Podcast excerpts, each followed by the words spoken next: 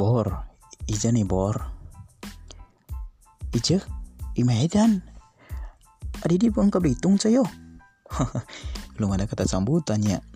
Oke, selamat datang di akun podcastku di episode pertama kali ini yang akan membahas langsung tentang seputaran sepak bola, khususnya membangun sepak bola dari desa menuju kancah nasional. Nah, sebelum masuk pembahasan, perkenalkan namaku Jeremia Tarigan, asli putra daerah Desa Lautawar, Kecamatan Tanah Pinem, Kabupaten Deri, Provinsi Sumatera Utara. Nah, sebelum masuk sana, di sini aku akan sampaikan ke teman-teman semua bahwasanya ini akun pertama kali yang aku gunakan dan pure terinspirasi dari sahabatku Desi Ayu yang juga ngepost atau yang nge-share pengalaman pribadi di akun podcastnya dia. Namun yang jelas di sini aku tidak akan menggunakan bahasa seperti yang beliau ucapkan, lo gue. dan ini akan menjadi bahan tertawaan bagi teman-teman semua ketika mendengar ucapan aku terkait bahasa keren ini gitu. Ya jelas ya. Tapi yang pasti Desi orangnya humble intelektual rajin menabung. Tapi yang jelas sampai saat ini dia masih sendiri alias jomblo ini bagi teman-teman sendiri khususnya cowok e, jika lo masih sendiri bisa langsung pantengin IG-nya dia ataupun akun podcastnya dia. Bisa siapa tahu cocok PDKT-an langsung nikah deh. Oke okay, eh, ke pembahasan. Bagaimana sih mewujudkan pemain sepak bola yang dari desa menuju kancah nasional sulit banget. Seperti itu pertanyaannya sering-sering saya dengar sih. Tapi yang jelas menurutku ya siapa pun bisa menjadi apa pun ketika dia berjuang selalu berjuang dan tidak pernah menyerah. Nah dan selalu mengandalkan sang kuasa. Nah untuk uh, mewujudkan itu sebelumnya kita harus mengetahui dulu apa sih pengertian sepak bola itu. Nah, permainan sepak bola merupakan permainan yang dimainkan oleh sebelas orang yang di mana ada beberapa berbagai macam posisi di sini ada penjaga gawang, pemain belakang, pemain tengah, pemain depan yang bertujuan untuk memasukkan bola ke gawang lawan dengan sebanyak-banyaknya. Uh, yang jelas di sini dari berbagai macam posisi ini tadi bersinergi menjadi satu. Begitu juga dengan pembinaan. Pembinaan juga harus bekerja uh, di antara beberapa stakeholder harus bekerja sama untuk mewujudkan pembinaan ini tadi. Tidak tidak bisa harus berjalan sendiri-sendiri. Jadi kalau kita bergotong royong pasti kuat seperti itu. Nah, di sini perlu adanya peran orang tua, peran anak, kepala desa, atau para pelaku sepak bola dan beberapa stakeholder lainnya.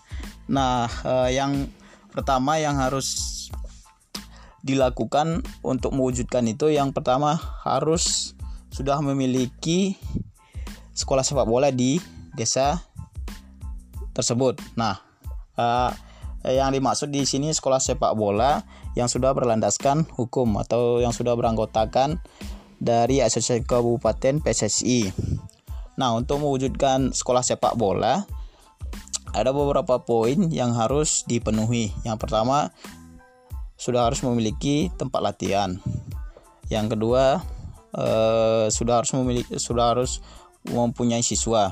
Terus yang ketiga, pelatih yang berlisensi dan yang keempat itu sudah memiliki akte Oke, okay, uh, eh, yang jelas di sini uh, positif da dampak dampak positif dari adanya SSB ini yang pertama meningkatkan kemampuan atau kualitas diri dari anak. Terus yang kedua menjauhkan diri dari yang namanya narkoba dan lainnya. Yang ketiga ini akan menjadi suatu momentum bagi anak-anak menunjukkan kualitas diri ketika ada suatu pergelaran kompetisi yang ada di kabupaten maupun di luar dari kabupaten. Karena ketika sudah menjadi bagian dari anggota ASKAP Asosiasi Kabupaten Deri maupun ASPROP ini akan menjadi bahan langganan di ajang kompetisi tersebut dan akan selalu diundang. Nah, itu pentingnya bagaimana uh, harus harus harus ada SSB. Nah, terus yang kedua promotor. Promotor yang dimaksud di sini adalah penggerak penggerak yang uh, seperti bagaimana memacu semangat anak-anak untuk selalu mengikuti latihan dan sekaligus bagaimana mempersiapkan seluruhnya baik itu dana dan da, dana tim atau lainnya seperti itu ya jelas ya e, kenapa harus penting promotor terus yang ketiga itu yang ketiga untuk meningkatkan kualitas anak perlu adanya jalinan kerjasama di antara beberapa tim yang ada di kabupaten maupun di luar daerah dan ini akan menjadi bahan evaluasi bagi adik-adik sendiri. Nah, uh, yang dimaksud di sini adalah ketika kita sudah bekerja sama, tentu beberapa pelatih di suatu momentum, di suatu momen ketika ada pergelaran ataupun uji tanding, anak-anak yang memiliki atau yang menampilkan permainan yang menarik pada saat momen itu akan menjadi bahan pencarian ajang bakat di sana seperti itu.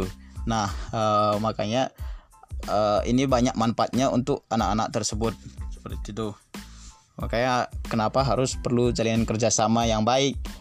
Nah, pengalaman yang pengalamanku sendiri ini, aku aku sendiri uh, berasal dari desa Lautawar, itu jauh dari kampung eh jauh dari pusat kota Dairi. Yang jelas Laut Tawar itu menghasilkan pem, uh, yang jelas uh, Desa Laut Tawar menghasilkan beberapa pemain yang hebat dari dari semasa tahun 80-an tetapi sampai detik ini hanya beberapa orang aja yang sudah masuk ke PSD. Ke, alasannya kenapa? Karena kita tidak memiliki jejaring. Nah, makanya perlu jaringan yang sangat luas tetapi di pusat kabupaten itu juga harus ya ini dong mantau juga ke daerah-daerah desa tersebut. Itu sih sebenarnya ya.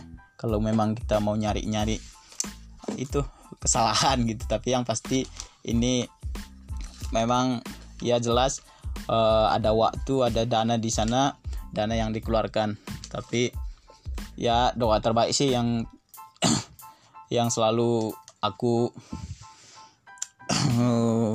aku aku aku sampaikan dalam doaku untuk diary tersebut sehingga suatu saat nanti apa yang aku idamkan selama ini bisa tercapai. Apa apa yang aku uh, doakan selama ini ya PS uh, apa Kabupaten dari de, khususnya di sepak bola bisa berprestasi seperti itu. Nah uh, itu terus yang terakhir harus ada ini ya uh, presiden sekolah sepak bola ini. Presiden ya yang di mana di sini dimaksud dengan donatur juga bisa dimaksud dengan donatur atau yang mempunyai yang memiliki saham di sekolah sepak bola ini. Uh, dan ini akan menjadi uh, ini ya hidup ketika sudah ada uh, presiden seperti itu presiden yang yang memiliki klub ini tadi ataupun sekolah sepak bola.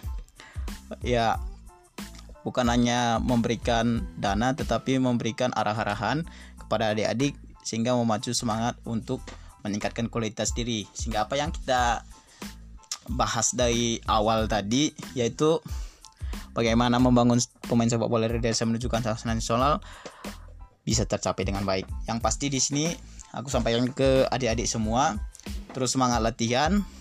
Siapa pun bisa menjadi apa pun. Yang penting Anda terus berlatih giat latihan dan jangan pernah menyerah jangan pernah cepat puas diri apalagi belum jadi apa pun yang menjadi apa pun itu masih uh, masih sampai sekarang tetap humble nah uh, sekian podcast dari saya semoga podcast kali ini bermanfaat bagi teman-teman semua. Salam dari saya bor bor bor